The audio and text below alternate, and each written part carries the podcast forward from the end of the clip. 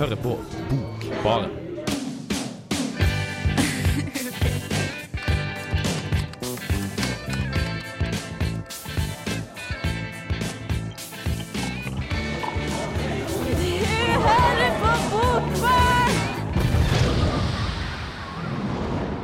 Det er helt rett. Du hører på Bokbaren. Mitt navn er Kristoffer Ervik, og med meg har jeg med meg Ingrid. Ja, hei. Hallo, hallo. Du hører på, også på Radio Revolt, som er hele klasen, og den lille driten helt ytterst.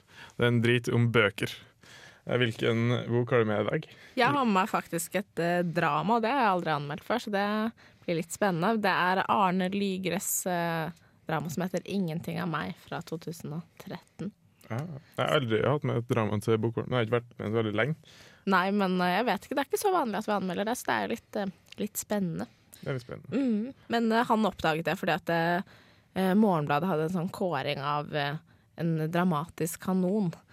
Så de skulle prøve å finne hvilke dramatikere har gjort det stort etter Ibsen. Og da ble Arne Lygre med, så jeg hadde egentlig ikke så mye forhold til han før det, men nå ble jeg nysgjerrig på hva han hadde å by på, da. Mm. Så fint. Vi må ha nye ting i bokbæren. Jeg har også med meg noe nytt, og det er da en punkebrønn Punkebønn for frihet. Ikke punkebrønn, men punkebønn for frihet av Pussy måte, det er en samling med både sanger og essay av det russiske avantgarde-punkebandet Pussy Riot. Hvem er det som har gitt ut det, Ja? Det er Flamme, så fint at du spurte. Eh, du ga vel også en eh, gave til tvillingsøstera di, gjør du ikke det? Jo, det gjorde jeg, fordi Flamme forlag har dette, denne singelklubben som de har eh, hvor de gir ut små, korte bøker ganske jevnlig. Det skal ikke så mye til før de skyter ut en ny liten bok. Eh, og det kan man abonnere på. Og det ga jeg en julegave da til søsteren min, så av og til så får hun en liten bok i posten. Ja, fint. Det er eh, spennende. betaler for det, dem med Det koster vel litt penger? Ja, det koster penger, og du kan eh, få et abonnement. Jeg husker ikke helt prisen akkurat nå, det skal jeg kanskje ikke si, men det, det kan man finne ut når man går inn på, på nettet, da. Mm. Det høres ut som en sånn trist eh, klubb for unge, eller gamle menn som bare sitter der og er single. Ikke en ja, bokklubb. Ikke en bokklubb, men man har et litt annet forhold til singler også fra, fra Ja. se musikkens verden, da. Det kan Mm. være hva som helst. Så, Setter virkelig pris på få ord, da. En liten, liten bok som kan gi oss et stort inntrykk, tror jeg. Mm. mm, mm. Det koster ikke mye penger, og det gjør sikkert ikke sangen som heter 'Money' av Naomi Pilgrim. Så du får nå. Hei og hallo, kjære lytter, og velkommen tilbake til Bokbaren. Du fikk nettopp Naomi Pilgrim med 'Money', og jeg håper hun var veldig, veldig snill med deg. Og jeg som også er veldig snill, er Ingrid, og du har med deg ingenting av meg? Nei, ingenting. Ja, 'Ingenting av meg' heter av meg. det, det dramaet. Og det er litt som tittelen sier, at det handler blant annet om eh, hvilken rolle man spiller i andre menneskers liv. Da, hvor stor makt man på en måte har til å si at det er sine følelser og sine handlinger som skal gå videre i generasjoner, f.eks. til sin datter eller til sin sønn eller til kjæresten sin, eller ja. Er det noe av meg som er til stede i andre mennesker? Ja, ja. Jeg fikk jo gleden av å lese litt inn i sted, da jeg skulle lese saken din. Men eh, så var det en karakter som het Menneske i den boka. Hva i all verden? Ja, det er veldig mm, tydelig at det handler om en meg og en han, eh, som er liksom paret i boka. Eh, men så er det også eh, noen andre karakterer som har hett menneske og ekskjæreste, blant annet. Eh, og menneske, det som er med menneske, er at eh, det er forskjellige personer som utfyller den rollen. Da. Det eneste forholdet de har til den, er at det er et annet menneske som kommer inn og bryter opp i deres intime tilværelse. Mm. Ja, ok. Du sa jo, vi har jo i Norge to store eh, dramabautaer. eh, Jon Fosse og Henrik Ibsen. Mm. Og den der var jo med en kanon i Dagbladet Nei, Morgenbladet var det. Morgenbladet. Morgenbladet skulle kåre de beste dramaene etter Ibsen, og da var blant annet Den fikk en del kritikk, fordi det var jo en jury som skulle bli enig om Det var litt tilfeldig valgt, eller ikke tilfeldig valgt jury, men det var kanskje ikke representativ nok jury, var det enkelte som mente. Men så eh, det var noen kjente dramatikere, sånn som Cecilie Løveide, sånn som ikke fikk plass der, og det synes mange var kritikkverdig, da. Men eh, eh, det var sånn at juryen måtte være enige om de som kom med. Alle, i hvert fall tre av fire, tror jeg måtte stemme ja. Men så var det også en ekstra lite, hva skal man si, et ekstra lite vararepresentanter der, hvor alle kunne komme med sine favoritter, og der kom jo Cecilie Løveid med. Men eh, Arne Lygre ble jo som faktisk levende dramatiker med i denne kanonen, og det er jo litt spesielt. Da. Var det ingen andre? Det er ingen andre levende, fordi det er jo Man vil kanskje se en hel produksjon under ett før man kan si at noen faktisk eh, er verdige kandidater, men han er verdig allerede en, før, før sin død. Da. Så hva kan han produsere i fremtiden, er jo et spørsmål mange stiller seg, da. Mm. Det er veldig ny i den boka der. For det det er utgitt i Ja, i slutten av 2013, så den er jo ganske ny, da. Den er ikke blitt oppført på noen eh, scener ennå, men, eh, men det er jo flere andre av hans dramaer som har blitt det, både på Nationaltheatret og Torshov-teatret, blant annet, og i, litt i Danmark og Tyskland og diverse. Så snart får jeg kanskje se Arne Lygre på scenen. Ja, kanskje du er så heldig. Eh, jeg har hørt at Johan, Hars Harstad, når han studerte på Dragvoll litteratur, så hadde han lest veldig mye Donald som barn. Og når han leste Dostojevskij, så la han inn sånn Donald Luck og Skrue og alle de andre kjente karakterene fra Andeby i de tekstene. Oh ja, med stemmer og sånn, eller, Med- eller karaktertrekk, I karaktertrekk, for da hadde han noe å forholde seg til. Ah, det Men, var eh, ja. Har du noe, gjør du det? Har du noe Andeby inni bøkene dine? Kanskje ikke Andeby, men jeg har jo lest litt Donald. Men, eh, men eh, likevel, det var en litt spesiell opplevelse. Man må jo lage kanskje litt stemmer når man leser et drama, i hvert fall alene. Jeg syns det er mer morsommere å lese det sammen med andre, da, så man kan bytte litt på å ha forskjellige roller, enn å sitte der for meg selv. Og spesielt med dette dramaet som jeg kan komme tilbake til etterpå, så er det, det er, Men det er kanskje et drama faktisk som det er lettere å bare være seg selv med, da. Og man trenger ikke kanskje å spille den ut på samme måte. Nei, kanskje ikke. Nei, det er veldig fint. Jeg har litt lyst til å lese den. Du får nå saken 'Lygre ingenting av meg'. Vær så god. Arne Lygre, ingenting av meg. Hvis du som levende dramatiker tildeles plass i en dramatisk kanon, er du ganske sikkert flink til å formidle. I Morgenbladets kåring var Arne Lygre blant de utvalgte, og selvfølgelig nesten var nysgjerrigheten min klar for et forsøk på å finne ut av hva som var så unikt med akkurat ham. Ingenting av meg er et drama fra 2013, og det forteller historien om en ung mann og en langt eldre kvinne. Hun har tatt avskjed med alt for å gi seg hen til denne mannen, sitt barn og mann. Men er hun klar for å bli en annens? En svært sårbar situasjon, som ikke akkurat forenkles av mannens flyktighet. For å få den riktige forståelsen må vi begynne med bokomslaget. Det første som møter meg, er et rom tapetsert med ord. Lampeskjermer, bord, krakker. Ingenting får slippe unna. Det er tydelig at ligere har mye på hjertet, og at alle ting bærer en historie. Det finnes minner overalt i dine omgivelser. Så hvem, eller hva, står egentlig sentralt i ingenting av meg? Det er paret som står i fokus. Med en rolleliste bestående av X, menneske som kan ha varierende betydning og roller, han og meg, er det tydelige skillelinjer mellom dem og vi. Og denne distansen vedvarer gjennom hele dramaet. Egentlig kan en kanskje si at den til dels eksisterer mellom mannen og kvinnen også. Dramaet har en veksling mellom gjengivelse av hendelser, en slags historiefortelling, der de utfyller hverandre og avbryter, og også den mer tradisjonelle samtalen på en litt direkte og ganske spesiell måte. Litt unaturlig og rart er det kanskje, men vi må jo la oss rive litt med av kunsten noen ganger. Det er fascinerende å forestille seg hvordan dette ville fungert på en teaterscene. Når du sitter for deg selv, så kan du jo leve deg inn i stemningen, føle at det er en roman som leses. Er jo tross alt bare din egen stemme som er til stede. Blir denne magien brutt, eller forsterkes den i dramatikkens virkelige liv? Det må sies. Selv om det hovedsakelig er mennesker det kretses om i dette dramaet, er også tingene av stor betydning. I parets første hjem har de kun en seng. Så et kjøkkenbord, så en sofa. Det utvikles og går rette veien. Eller gjør det egentlig det? Stadig rulles fortiden opp, og ekskjærester, mødre og barn kommer på besøk. Er det mulig å legge fortiden bak seg? Hvilken rolle, forventning, plass har du i andres liv og avgjørelser? Som tittelen antyder, hvor mye av deg finnes, om ikke hvor mye har du rett til at eksisterer gjennom andre? Du er en som fær til hva det skal være. Ja, Det er jeg glad for. jeg også. Jeg er glad. Jeg er veldig glad. Du merker ikke noe. Jeg trenger ikke vise deg annet enn dette. Et smil. Jeg serverer, vi spiser, vi drikker kaffe i stua etterpå. Jeg sitter en stund sammen med deg. før jeg senere skal opp på mitt eget rom. Eller ut. Kanskje en tur ut. Treffe venner, sier jeg. Med tause, men, men det er fint. Vi har et godt forhold. Ja. Så da er vi to, tenkte jeg, da hun ble lagt opp til meg like etter at du ble født. Nå er det oss, tenkte jeg. Slik ble det. Ja, Du spør hvordan dagen min har vært. fin, sa du. Det sa du jo alltid, men jeg liker å høre det likevel. Fin, sier jeg. Jeg sier ikke at den du minst kan stole på, er ditt barn. Det vil gjøre hva som helst for å skjerme deg fra sin virkelighet, dersom denne ikke er egnet til å vekke begeistring. På slutten av dette så vil jeg spesielt trekke fram kommunikasjonen mellom menneskene. Selv om mye har vært usagt gjennom livet, konfronterer de hverandre på en direkte og ganske spesiell, men også veldig riktig måte.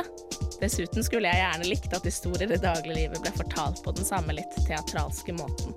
Men jeg må ikke glemme noe viktig, nemlig tematikken. Over hvor ødeleggende forventninger til ting faktisk kan være.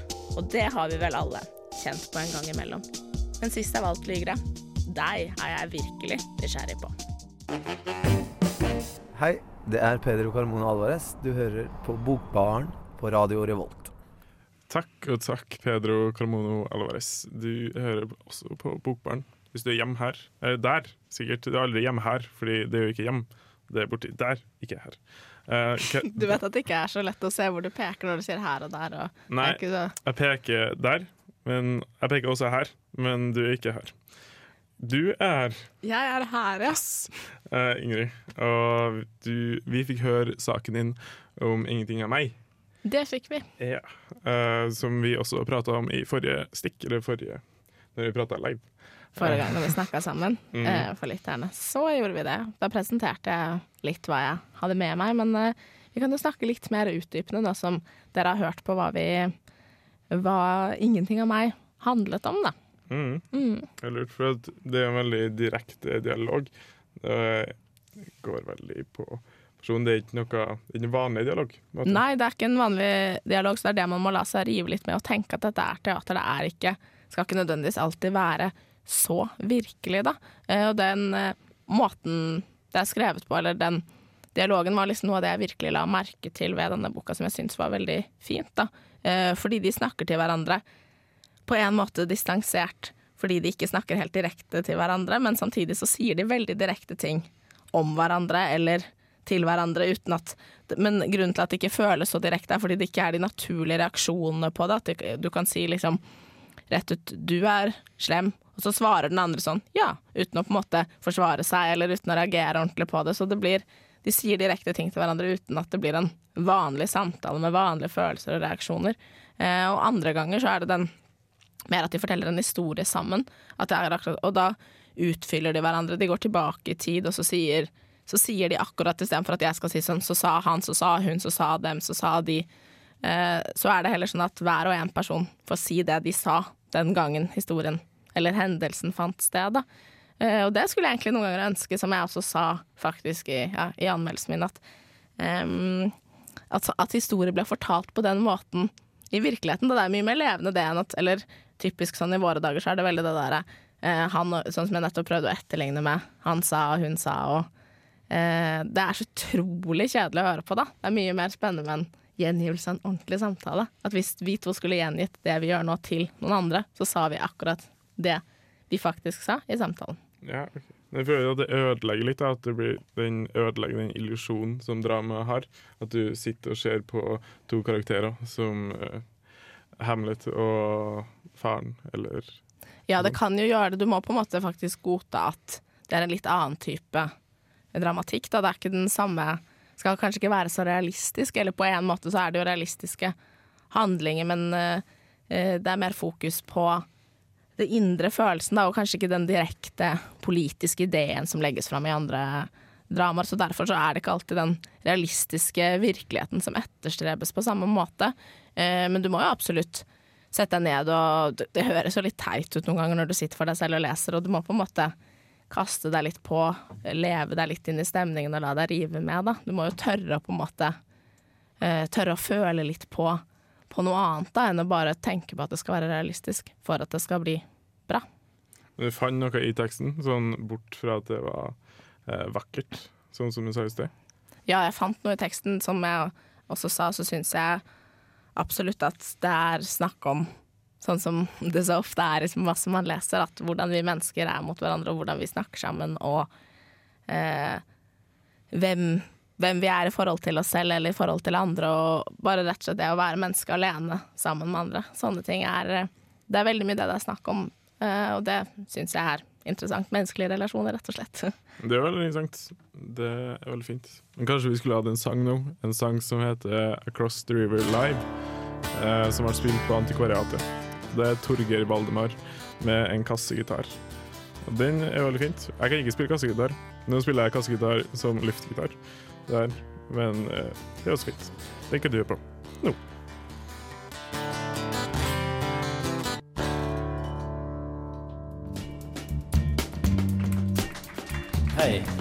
jeg heter Arild Wange og hører på Bokbaren hver tirsdag for å holde meg oppdatert på hva som skjer i litteraturen her til lands og ellers i verden. Ja, Arild Wange, du hører kanskje på noe? Forhåpentligvis? Kanskje? Ja. Det er fint. Hvis du hører på noe, så får du i hvert fall Pussy Riot, en punkebønn for frihet. Ja, Eh, det er, det er en av de Flamme singelklubbens eh, utgivelser, er det ikke det? Som vi sa i, eh, helt i starten av programmet. Ja, så når er det denne her er fra, da? Vet du det? Rett før jeg tror det er 2013, 2013. faktisk. Det er jo flere av dem, av dem singelgruppen. Eh, blant annet en bok av Stephen Fry, eller oversatt til norsk av Ja. Stephen Fry, 'Min venn', som jeg har nevnt kanskje i annethvert program eh, av Du har mange venner i litteraturverdenen, du, egentlig. Ja, jeg vet ikke om de vet om meg, Men, men, eh, venner er jo Ja, hva er definisjonen av en venn? Mm, Si det. Kanskje jeg kan venner med Pussy Riot òg, men de sitter jo i fengsel, eh, uheldigvis. Og det er jo noe av det den boka her handler om. Eller bok, det er mer som brosjyre. Ja, for hva er den bygget opp av? Den er bygget opp av litt forskjellige sjangere. Ja, to sjangere, faktisk. To sjangere. Eh, sanger. Det, vi burde egentlig hatt med i musikkprogrammet vårt, eller musikktema. Ja, det er sant, egentlig. Men jeg har den med nå. Eh, det er fem sanger. Flesteparten av sangene handler om at Putin er en skit, og det er han jo sikkert òg. Og en som handler om at eh, eh, den kirka bør gå bort fra Putin og fokusere mer på kristne verdier. Og det var veldig, jeg var veldig overraska over at, det, at de var kristne, eller veldig kristeninteressert. For det har jeg aldri hørt om på Dagsrevyen eller andre plasser. Nei, men kommer det fram i sangene generelt, eller er det bare mer at eh, Altså, det kommer fram her, selvfølgelig, men kommer, er det noen egne sanger som er dedikert bare til at man snakker om kristne verdier, som at man er positivt innstilt til dem, eller er det mer sånn i en diskusjon, eller Nei, det er bare én en sang som heter 'Jomfru Maria jag Putin vekk'. Okay. Men eh, de er sånn De er jo sinte, men det er ikke noe hat i dem. Og når de skal være veldig sinte, så bruker de ofte metaforer, som for eksempel eh, Putin slikk eh, feministenes eh, sin eh, eh, Hva det er Sp- Ikke spade, men eh, speed. Slik feminismens eh, speed, Putin. Som for eksempel ikke sånn dra til helvete. Nei, det er litt mer spennende måter å si å være sint på, eller ha hatefull på. Ja, for det er jo veldig mye hat i Russland, og de har jo et uh, ordentlig hat, føler jeg, i forhold til de uh, virkelig brune og høyrevridde. Uh, som det, det blir bare mer og mer av Ja. i Russland nå. Men så hadde også, hva er den andre sjangeren eh, ved siden av disse sangene, da? Uh, det er todelt, og den slutter jo med tre essay av de tre fengsla eh, Pussy-medlem Pussy Riot-medlem Ann, Mm. som er fengsla i Russland. Det er kanskje du har lyst til å høre mer om i saken som kommer nå. 3. mars 2012 ble Nadasta Tolokonokva og Maria Aljukoniv Jekaterina Sametrovic arrestert for huliganisme etter de framførte en 30 sekunders sang i Frelserkatedralen i Moskva. Dommen sto på to års fengsel. Kort om Pussy Riot. Grunnen til at den oppsto, var at Vladimir Putin skulle stille til gjenvalg for tredje gang høsten 2011. Russland har blitt, eller kanskje den har vært det lenge, et land som dyrker stabilitet mer enn demokrati. Homoseksualitet blir mer og mer framstilt som perverst. Feminisme blir sett på som bakstreversk og abnormalt. Hvor den vanlige russiske borger ser ned i hendene og venter på at det skal gå over, går Pussy Riot rett i strupen. Okkuper byen med en steikepanne. Gå ut med støvsugeren. Få en orgasme. Forfør bataljonene av politijomfruer. Nakne politifolk gleder seg over den nye reformen. Til helvete med sexistene. De forpulte putinistene. Kryptokin-vodkaen skvalper i magesekkene. Du har det bra mens Kreml-jævlene har et opprør på do. Forgiftninga er dødelig. Det hjelper ikke med blålys. Kennedy venter. Til helvete med de jævla politisjefene. Jeg har visst sovet. Det er en ny dag. På ny skal jeg undertrykke. Slåsshansken i lomma. Feminismen er spisset. Bær din suppe til Øst-Sibir. Slik at The Riot skal bli voldsomt nok. Til helvete med sexistene. De forpulte putinistene. Pussy Riot, en punkebønn for frihet, en del av Flamme forlags singelklubb. Singelklubben er et abonnement der de kan få bøkene, eller singlene, i posten før de legges ut i butikken. Den ultimate hipster-sunnkost. Der får han alt fra diktsamlinger, sakprosa og poetikk til en samling med tekster av et punk-avantgardistisk band. Men tilbake til Pussy Riot. Samlingen har fem sanger, alle oversatt av Martin Paulsen. For meg så er ikke sangene noen stor litteratur, men det skal de heller ikke være. I Nadashta Toleknokovas sluttappell siterer hun poeten Aleksandr Vevdenskij. Det hender at man tenker på to rim, et godt og et dårlig, og jeg velger det dårlige. Det er nettopp det som ble riktig. De geriljakonsertene Pussy Riot hadde, skulle overraske, ikke belære. Det kan være litt med at tekstene ikke flyter. Det som er godt lest opp, er essayene på slutten av samlinga. Av de elleve Pussy Riotene som er fengsla, så er det tre av dem som skrev et essay hver. Essayene er veldig like. De tar opp temaer som feminisme og maktmisbruk, men likevel har de vært et personlig preg. Man leser at det er forskjellige som har skrevet. Forskjellen fra sangene så er essayene mer betenkt og fornuftig. De nevner forfattere og filosofer, og oppfordrer russere og andre til å tenke, mer enn å slåss. Det kan være en god røst i et ellers betent Russland. Jeg vil ikke begynne å sette noen merkelapper. Jeg har på følelsen at det ikke finnes noen vinnere, tapere, fornærmede eller anklagede her. Vi må bare etablere en kontakt. Etablere en dialog og en felles søken etter det sanne og ekte. Og sammen søke visdom. Være filosofer sammen. Ikke bare stigmatisere og klistre merkelapper på folk. Det er det siste et menneske kan gjøre.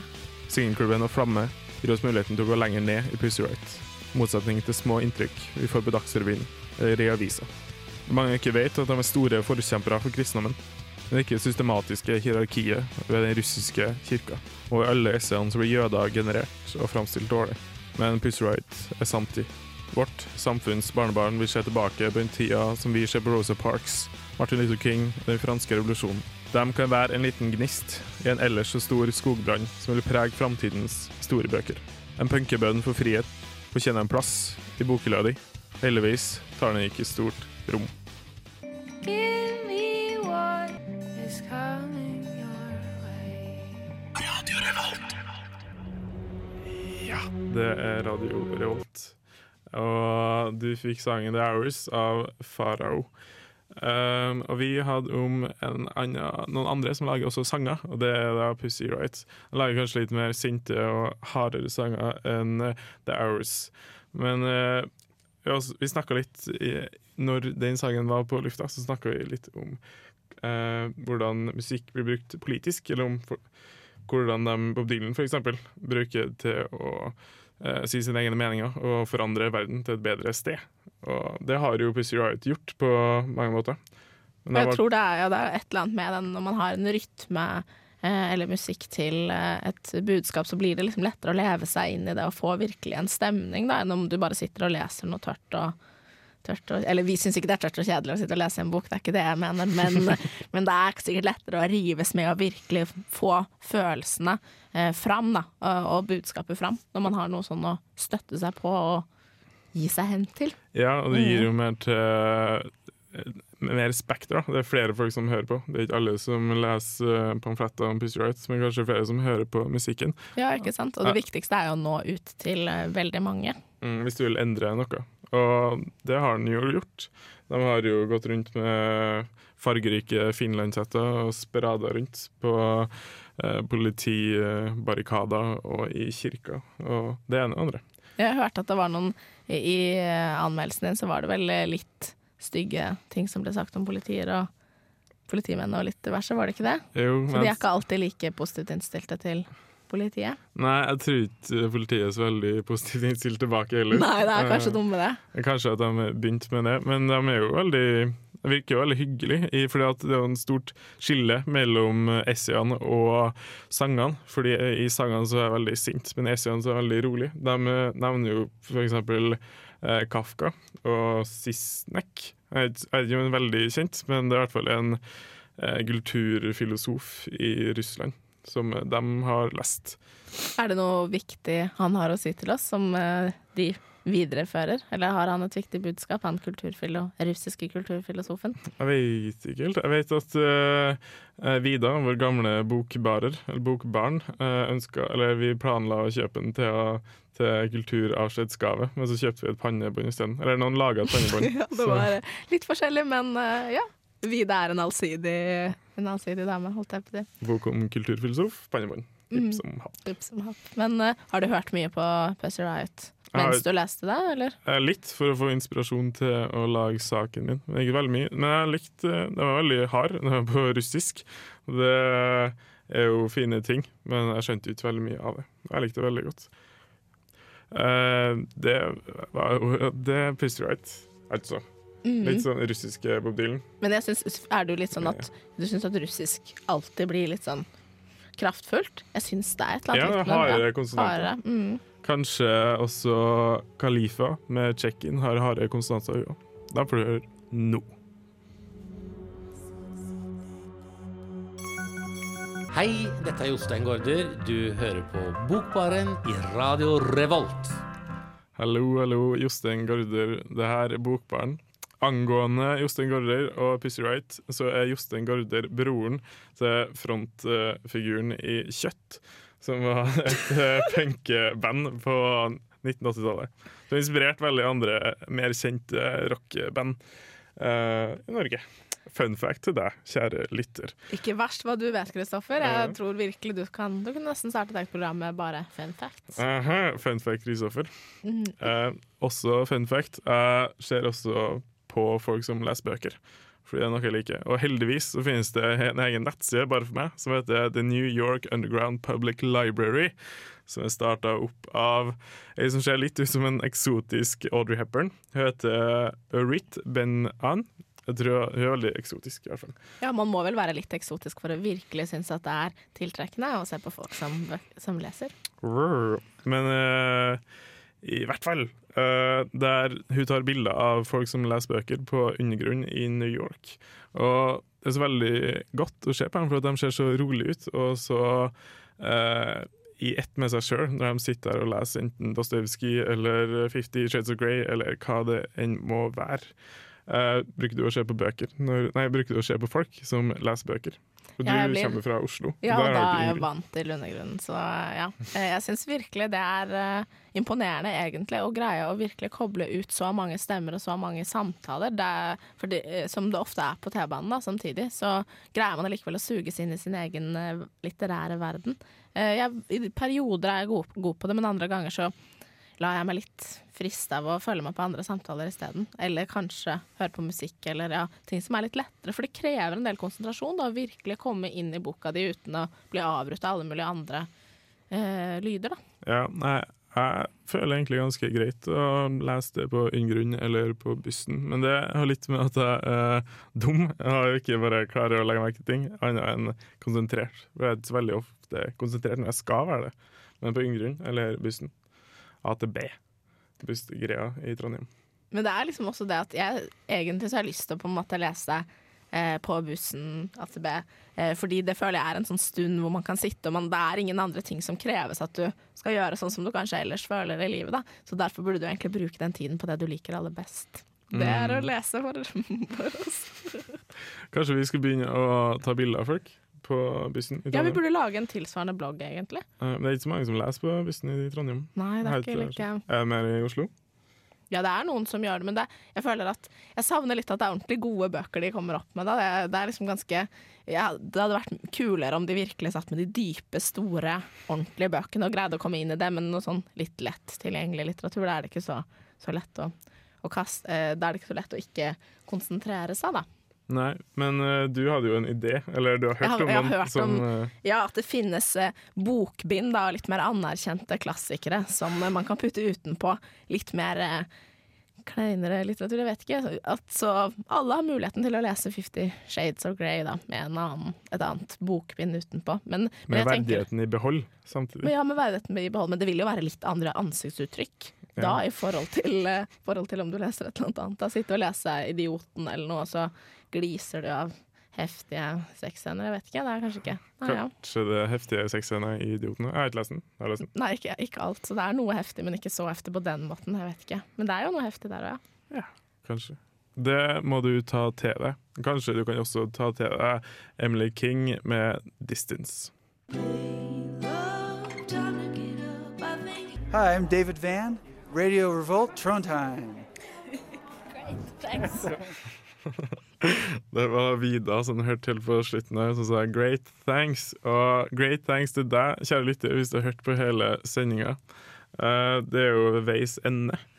Vi har hatt om eh, Pussy Rights, og vi har hatt om Arne Lygres drama 'Ingenting av meg'. Det er litt forskjellige litt kontraster, men eh, ja. det er sånn det skal være. Det er sånn det skal være. Akkurat, Akkurat sånn sånn. det skal være. Livet er fullt av kontraster, vet du. Oh, shit. Jeg leste det i eh, boka di. Nei, det greide jeg å trekke ut selv. Ah, okay.